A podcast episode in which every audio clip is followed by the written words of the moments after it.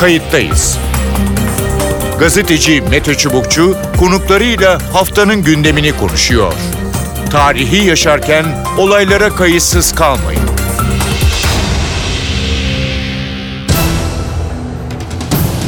İyi günler bir kayıttayız programıyla daha karşınızdayız. Tarihe ışık tutmak ve olan biteni anlamak için önümüzdeki dakikalarda sizlerle birlikte olacağız.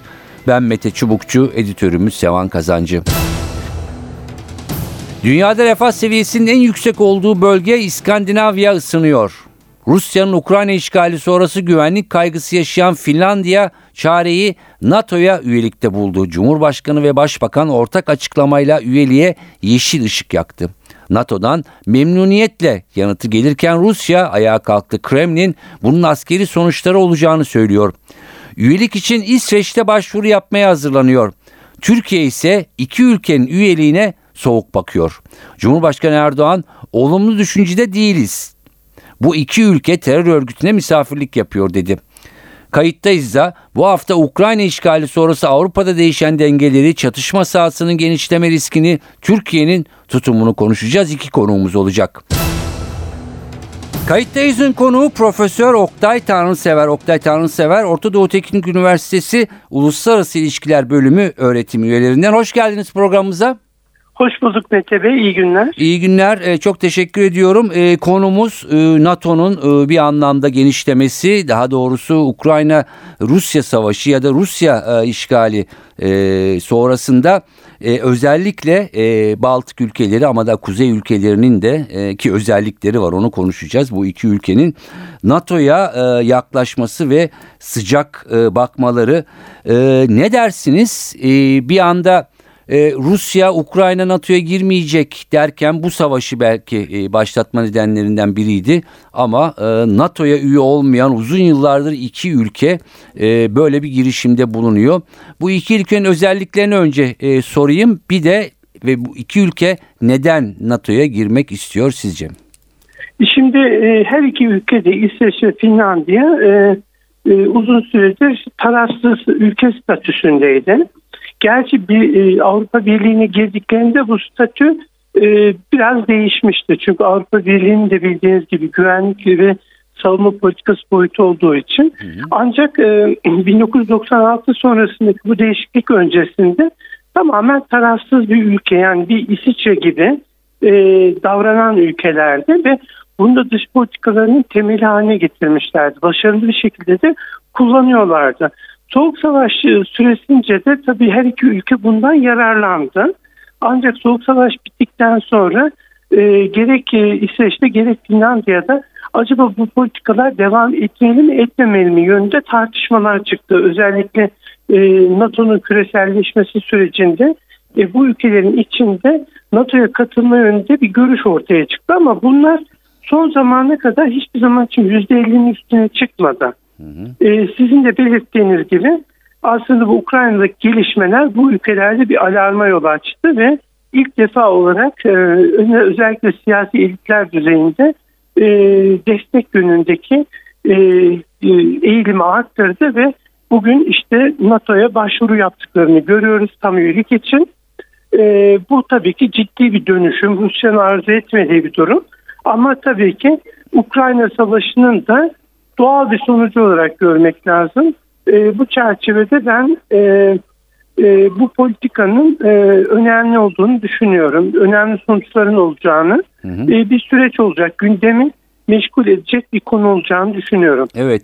E, ne dersiniz? Yani en başta e, bu Ukrayna meselesi başla, başlarken e, yani Rusya e, bu noktayı e, acaba tahmin etmiş midir? Yani bir e, analiz e, etmiş midir? E, çünkü sanırım dün herhalde e, Kremlin sözcüsü Peskov yaptı. Bunu bir tehdit olarak algılarız e, diye. E, çünkü e, bu sefer Rusya ile NATO sınırları e, daha da uzun hale geliyor herhalde değil mi? Evet. E, tabii burada Rusya bu açıklamaların benzerliğini daha önce de yaptı. E, bunu önermiyoruz sonuçları olur, somut sonuçları olur e, şeklinde e, dediğiniz gibi bir tehdit şeklinde bunlar dile getirirse de tabii ki hani şunu da belki görmek lazım. E, Rusya'nın Ukrayna'ya verdiği önemli. Bu iki ülkeye verdiği önem aynı değil. Yani bu hani bu ülkeleri işgal eder, oraya saldırır şeklinde bir durum söz konusu değil. Ee, muhtemelen hani bir şekilde çok rahat olmadan kabul edeceği bir gerçeklik bu. Ee, fazla yapabileceği bir şey olduğunu ben öngörmüyorum. Özellikle İsveç'le ilgili olarak. Ee, ancak Finlandiya konusunda elinde bazı araçlar olduğunu da görmek gerekir. Ee, çünkü Finlandiya aslında Rusya'nın sınır bölgesinde ve Rusya'dan Rus İmparatorluğundan bağımsızlığını almış bir ülke. Yani İsveç'ten farklı ve Rusya'nın içinde de Fin kökenli topluluklar var. Özellikle tabii Karelya bölgesindeki e, Fin topluluğu çok önemli. Orta Volga bölgesinde de e, ciddi bir Fin kökenli topluluk var. E, o yüzden Finlandiya her zaman için Rusya ile ilişkileri bir dengede tutmaya çalışıyordu. O topluluklarla da ilişkisini iyi koruyabilmek için sınır ticareti değişik boyutlarda Finlandiya için büyük bir güç unsuruydu. Ancak şimdi bu gelişmelerin sonunda aslında Finlandiya'nın bu ıı, Rusya boyutundaki gücünün azalacağını görüyoruz. Yani Çünkü hani e, e, ilişkiler çatışmalı olacağı için evet yani ek- e, ekonomik olarak da çok ciddi bir e, orada e, gördüm. girecek. Evet, evet. Ee, ve Rusya'nın tabii ki şunu da belki öngörebiliriz. Hani bu Karelya'daki etkisi ve sınır üzerindeki etkisinden dolayı Finlandiya'nın içinde bazı e, etki yaratması e, olası. Bunlarla ilgili tabii tedbirler alınıyordur yani Finlandiya otoriteleri tarafından. E, ama bu tabii Avrupa Birliği'nin bir politikası. Bir de ben tabii şunu da söylemek isterim Buyurun. bu e, Avrupa Birliği'ne girdikten sonra Finlandiya ve İsveç aslında NATO ile güçlü bir ilişki zaten kurmuşlardı. Barış için ortaklık programı var biliyorsunuz. Evet. O kapsamda e, yani tam üyelik değil ama e, sanki tam üyelikmiş gibi bir ilişki kurdular. Yani diğer barış için ortaklık üyelerinden farklı bir ilişki kuruldu. Bir koordinasyon, tam bir koordinasyon neredeyse vardı. Bildiğiniz gibi NATO üyeliği deyince bizim aklımıza hemen 5. madde geliyor. Evet. Ee, şimdi bu 5. madde tabii Rusya en çok buna odaklanacaktır. Acaba burası da e, buradaki en küçük gelişmede hemen NATO'nun e, 5. maddesi kapsamına girince ne olacak diye.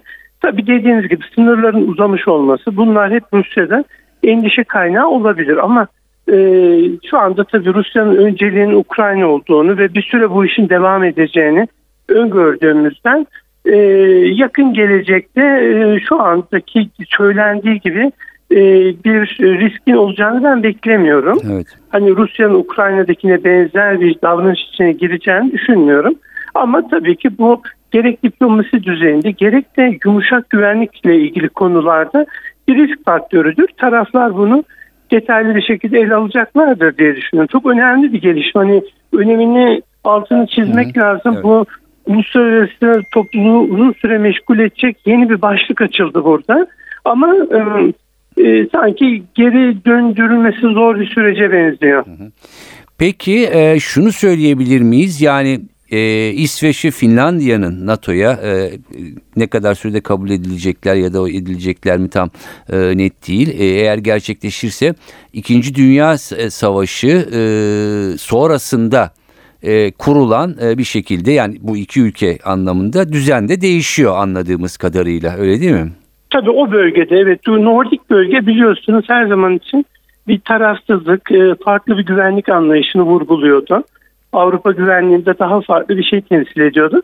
Şimdi o kayboluyor. Aslında belki hani oradan bakınca da e, belki bir kayıp Avrupa güvenliği için. Çünkü e, daha böyle barışa odaklanan bir Nordik bir ses vardı. Bu tarafsızlığın önemi. Soğuk Savaş'ı yumuşatan bir faktördü. Biliyorsunuz hani Helsinki e, zirvesi e, aslında Avrupa'nın birleşmesinin temeline atan bir Evet. e, süreci e, başlattı. Onu sembolize etti. Bunlar e, Nordik ülkelerin e, Soğuk Savaş yıllarında bu, çatışmayı, polarizasyonu yumuşattı, barışı hatırlattı. Bir roldü. Herkese faydası oldu. Dünya barışına katkısı oldu. Şimdi bunların azalması, hani tarafsız ülkelerin azalması dünya barışı ve diplomasi açısından çok da e, parlak şeyler değil ama tabii ki bunu kim yapıyor, e, şunu yaptı, onu da bilmek hani e, çünkü bir e, zincirleme reaksiyon gibi gelişti olaylar, çok hızlı gelişti. Dünyada sanki böyle bir kabus senaryosu izliyor gibi. Umarız e, hızlı bir şekilde diplomasi daha önem kazanır. E, diyalog ve barış e, söylemi daha çok önem, kazan, önem kazanır ve e, bu Nordik ülkeler Evet. bu rollerini bence kaybetmezler. Çünkü önemli bir rol oynuyorlar o açıdan. Evet. Genel olarak söylüyorum.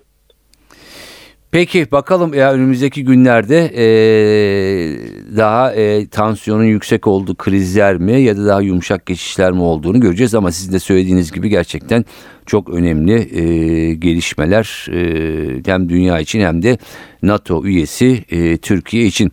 Çok teşekkür ediyorum programımıza Ben teşekkür katıldığınız ve yorumlarınız için. Saygılar, iyi günler. Sağ olun. Kayıttayız'ın konuğu Profesör Hüseyin Bağcı. Hüseyin Bağcı Dış Politika Enstitüsü Başkanı. Hoş geldiniz programımıza. Teşekkür ediyorum. İyi yayınlar diliyorum. NATO'yu belki yeni bir genişleme ama çok önemli bir döneme işte bir genişleme. Ee, Rusya Ukrayna'nın NATO'ya üye olmasına karşı çıkarak en azından bunu gerekçelendirerek e, bir saldırı başlatmıştı. E, belki de hiç beklemediği yerden farklı bir tepki geldi. İki tane tarafsızlığıyla öne çıkmış ülke İsveç ve Finlandiya NATO'ya üye olmak için başvuruda bulunmaya hazırlanıyor. E, halkın da desteği söz konusu. E, ama ben e, şunu sormak istiyorum. E, eğer e, bu tabii ki oylamaya e, sunulacak. Bu oylama bir nasıl işleyecek? İki Türkiye e, burada nasıl tavır gösterebilir? Çünkü Cumhurbaşkanı Erdoğan'ın da bir açıklaması var. Buyurun. Şimdi e, öncelikli olarak NATO'ya üye olacak olan bir ülkenin müracaatından sonra e, üye ülkelerin parlamentoları e, o başvuran ülkenin e, üye olup olmaması konusunda karar verir. Yani bu hükümetlerin değil parlamentoların alacağı bir karardır. Bütün NATO genişlemelerinde böyle olmuştur. E, Finlandiya örneğinde de e, böyle bir yolun tabii ki takip edilmesi gerekecek. E, belki birkaç gün sonra İsveç'te benzer bir e, taleple gelecek ve e, bu iki e, NATO'nun belki de son gelişme süreçlerinden biri e, olabilir. E, bu durumda e, NATO'nun diğer 30 e, ülkesinin e, bir şekilde e, onay vermeleri gerekiyor parlamentolarının. E, Türkiye açısından bakımda Cumhurbaşkanı'nın şu anda e, söylemiş olduğu e, Türkiye'nin evet demeyecek şeklindeki açıklamasını iki türlü yorumlamak lazım. Bir tanesi Türkiye vakit kazanmak istiyor. E, elini daha da güçlendirmek istiyor. Çünkü son dönemlerde özellikle Türk-Amerikan ilişkilerinde e, Türkiye ile Avrupa Birliği arasındaki ilişkilerde yaşanan gerginliği hepimiz biliyoruz. Türkiye'nin güvenlik konularındaki özgür ağırlığının arttığı bir sürece girmiş olduk Ukrayna-Rusya savaşı ile birlikte. Bu bir. İkincisi Türkiye tabii Rusya ile çok sıkı ilişkiler içinde olan bir ülke. Stratejik ortaklığa kadar varan bir e, işbirliği söz konusu. Savunma sistemleri dahil olmak üzere e, gerek enerji konularında gerekse turizm ve teknoloji konularında hı hı. Türkiye ile Rusya arasında çok önemli bir işbirliği var ve Türkiye bir ara bulucu rolünü üstlenmek istedi bildiğiniz gibi hem Antalya hı hı. hem de İstanbul'da yapılan e, toplantılarda. Şimdi e, bundan sonraki e, süreçte Türkiye tabii e, büyük bir denge politikası takip edecek. Yani bir yanda NATO'nun üyesi olarak e, bir şekilde NATO ile hareket etmek zorunda ama diğer taraftan da e, Rusya gibi hem ekonomik açıdan hem siyasi hem de askeri açıdan çok önemli bir e, ülkeyle e, ilişkilerini hemen Finlandiya istiyor diye bozmama niyetiminde. Şimdi bu tabii Türkiye'yi çok zor bir duruma sokacak. Yani önümüzdeki e, dönemde yapılacak tartışmalarda bunu göreceğiz. Türkiye'de de taraf olanlar olacak, karşı olanlar e, olacak. Ama sonuç itibariyle e, meclisin buna karar vermesi lazım. Bugünkü e, meclis yapısı içerisinde Cumhurbaşkanı'nın e, dediği gibi eğer hayır diyecekse Türkiye o zaman meclis çoğunluğu da olduğu için buna hayır diyebilir ama e, Finlandiya'nın tam üyeliği hemen böyle 6 ay içinde gerçekleşecek olan bir olay değil. Onu da söyleyelim. Hı hı. Yani önümüzdeki yıl Türkiye'de seçimler sonrasında yeni bir parlamento yapısı ortaya çıkarsa e, Cumhurbaşkanı'nın bugün söylediği geçersiz olabilir. Anladım. Yani yeni Cumhurbaşkanı'nın ve yeni e, parlamentonun alacağı bir karar olarak karşımıza çıkar. Ee, hocam e, bildiğimiz kadarıyla NATO'da oy birliği gerekiyor. Yani bir ülkenin vetosu evet. da olsa giremiyor değil mi diğer ülke? Doğrudur. E, oy birliği, oydaşma Yani e, 30 bir- ülkenin de evet var. demesi gerekiyor. Evet, evet bir ülke hayır derse olmaz. Peki. O nedenle Türkiye hem e, NATO içinden bir e, baskı altında kalacak hem de Rusya ile olan ilişkilerinin kötüleşmemesi için Rusya tarafından bir baskı altında kalacak. O nedenle e, Türkiye'nin işinin belki de en zor olacağı bir sürece giriyoruz. Yani NATO'nun kurulduğu 1949'dan bugüne kadar geçen süre içerisinde belki de en kritik e, kararların alınacağı bir süreç diye düşünüyorum. Peki e, ne dersiniz? E, Rusya e, Ukrayna'nın e, en azından gerekçelerden birisiydi. NATO'ya girmesine itiraz etti ve bu savaş ya da saldırı e, başladı. E, bu İsveç ve Finlandiya'nın e, reaksiyonunu e, acaba hesaplamış olabilir mi? E, çünkü Kremlin de diyor biz de bunu tehdit sayarız. Çünkü NATO ile olan sınırda uzuyor Finlandiya sınırından dolayı. Şimdi e, Rusya'nın bunu ne derece hesaba katıp katmadığı halen açık bir soru. E, çünkü Rusya e, Ukrayna'yı kısa bir sürede e, ele geçirip yönet, e, Cumhurbaşkanı'nın ülke dışına gideceğini daha önceki hükümet başkanlarının yaptığı gibi düşündü. Orada bir hesap hatası yaptıkları görülüyor. Ama Finlandiya'nın ve İsveç'in tabi NATO genişlemesine dahil edilmesi demek Rusya'nın Orta ve Doğu Avrupa'dan biraz daha geriye itilmesi e, anlamına gelecek ki bu 1997 yılında e, NATO ile Rusya arasında yapılan anlaşmanın da özü. O dönemlerde Helmut Kohl ile Boris Yeltsin arasında e, özellikle e, NATO genişlemesinin Rusya'nın aleyhine gelişmemesi gerektiği konusunda bir mutabakata varılmıştı ama bu mutabakat tabi yazılı bir e, mutabakat değildi. Onu da söyleyelim. Şimdi e, Rusya e, nasıl bir tepki gösterir, askeri müdahalede bulunabilir mi sorusuna verilecek yanıt. Bunu zaman içerisinde göreceğiz ama Rusya'nın Finlandiya'ya saldırması e, söz konusu şu aşamada değil. Yani e, zaten 2. Dünya Savaşı'nda biliyorsunuz Finlandiya ile Rusya arasında e, bir Evet. çatışma oldu ve Rusya geri e, Sovyetler biliyor o zaman e, Finlandiya'yı işgal edemedi. E, onu da e, bir kenara not edelim. Şimdi e, Amerika Birleşik Devletleri'nin, İngiltere'nin ve Avrupa Birliği'nin tüm ülkelerinin NATO genişlemesine onay vermelerini beklemek gerekiyor. Balkan ülkeleri de dahil olmak üzere buna Orta ve Doğu Avrupa ülkelerini kastederek söylüyorum. Ama Türkiye e, burada e, problem çıkarır mı sorusu zannediyorum bütün diğer üye ülkelerin kafasında olan bir soru. Bugün yapılan açıklamada e, bu e, problemin çıkacağını gösterdi. Yani Cumhurbaşkanı açıklaması yeni bir tartışmayı beraberinde e, getirdi. Bunu da e, böyle görmek lazım. E, peki hocam kısa da bir yanıt olursa se- sevinirim. E, şimdi e, yani soğuk savaş sonrası işte NATO Varşova zaten dengesi e, değişmişti. E, bu iki ülkenin de NATO'ya katılımıyla e, birlikte e, artık soğuk savaş sonrası ya da 2. Dünya Savaşı'ndan bu yana olan o iki ülke e, dengesi açısından söylüyorum. E, statiko tamamen değişiyor mu artık? Yani Kissinger'ın da dediği gibi e, dünya artık 24 Şubat öncesi dünya değil. Şimdi e, üç kutuplu bir dünyaya doğru giden bir yapı var. Amerika Birleşik Devletleri ve Batı genel anlamda. Çin ve e, Rusya. E, Rusya'nın tabii ki e, elindeki nükleer silahlar halen en büyük e, gücü konumunda. Bunu da görmek lazım. Çin ile Rusya arasındaki ilişkiler önümüzdeki dönemde e, tekrar e, yeni baştan düzenlenecek gibi gözüküyor. ABD ile e, Rusya arasında NATO çerçevesinde e, ortaya çıkacak olan bu e, yeni tartışmalarda İs- İsveç ve Finlandiya'nın e, adaylıklarıyla ilgili olarak şüphesiz çok kafa ağrıtacak ama Ukrayna'nın bir şekilde NATO üyeliğine e, herhalde e, bazı Orta Avrupa e, ülkeleri ve Batı e, ülkeleri de evet demeyecekler diye düşünüyorum. Yani Ukrayna'nın durumunda daha büyük bir problem var. Finlandiya ve İsveç'e göre. Evet yani Rusya için de herhalde e, öyle. E, çünkü e, yani Ukrayna'ya göre Finlandiya belki daha az risksiz e, denmekte Tabii. e, Rusya Tabii. için.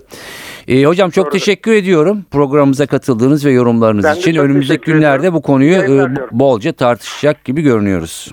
Tabii ki. Sağ Tabii olun. ki. Çok Severek. teşekkürler. Sağ olun. Görüşürüz. Evet yorumlar, görüşler e, böyle iki dış politika, uluslararası ilişkiler e, uzmanından. E, önümüzdeki günler evet Ukrayna Savaşı'nın farklı yansımaları e, tekrar Türkiye'nin de içinde olduğu bölgede e, yeni krizler de e, yaratacak gibi e, görünüyor ve dünyada politika, askeri ve savunma e, dengeleri de sanki yeniden şekillenecek e, gibi e, yeni krizlere hazırlıklı olmak gerektiğini de e, düşünüyorum. Çünkü e, yapılan yorumlar da bu yönde. Ben Mete Çubukçu editörüm Sevan Kazancı. Kayıttayız bu haftalık bu kadar. Haftaya farklı bir konuda yeniden birlikte olmak üzere. Hoşçakalın. Kayıttayız. Gazeteci Mete Çubukçu konuklarıyla haftanın gündemini konuşuyor. Tarihi yaşarken olaylara kayıtsız kalmayın.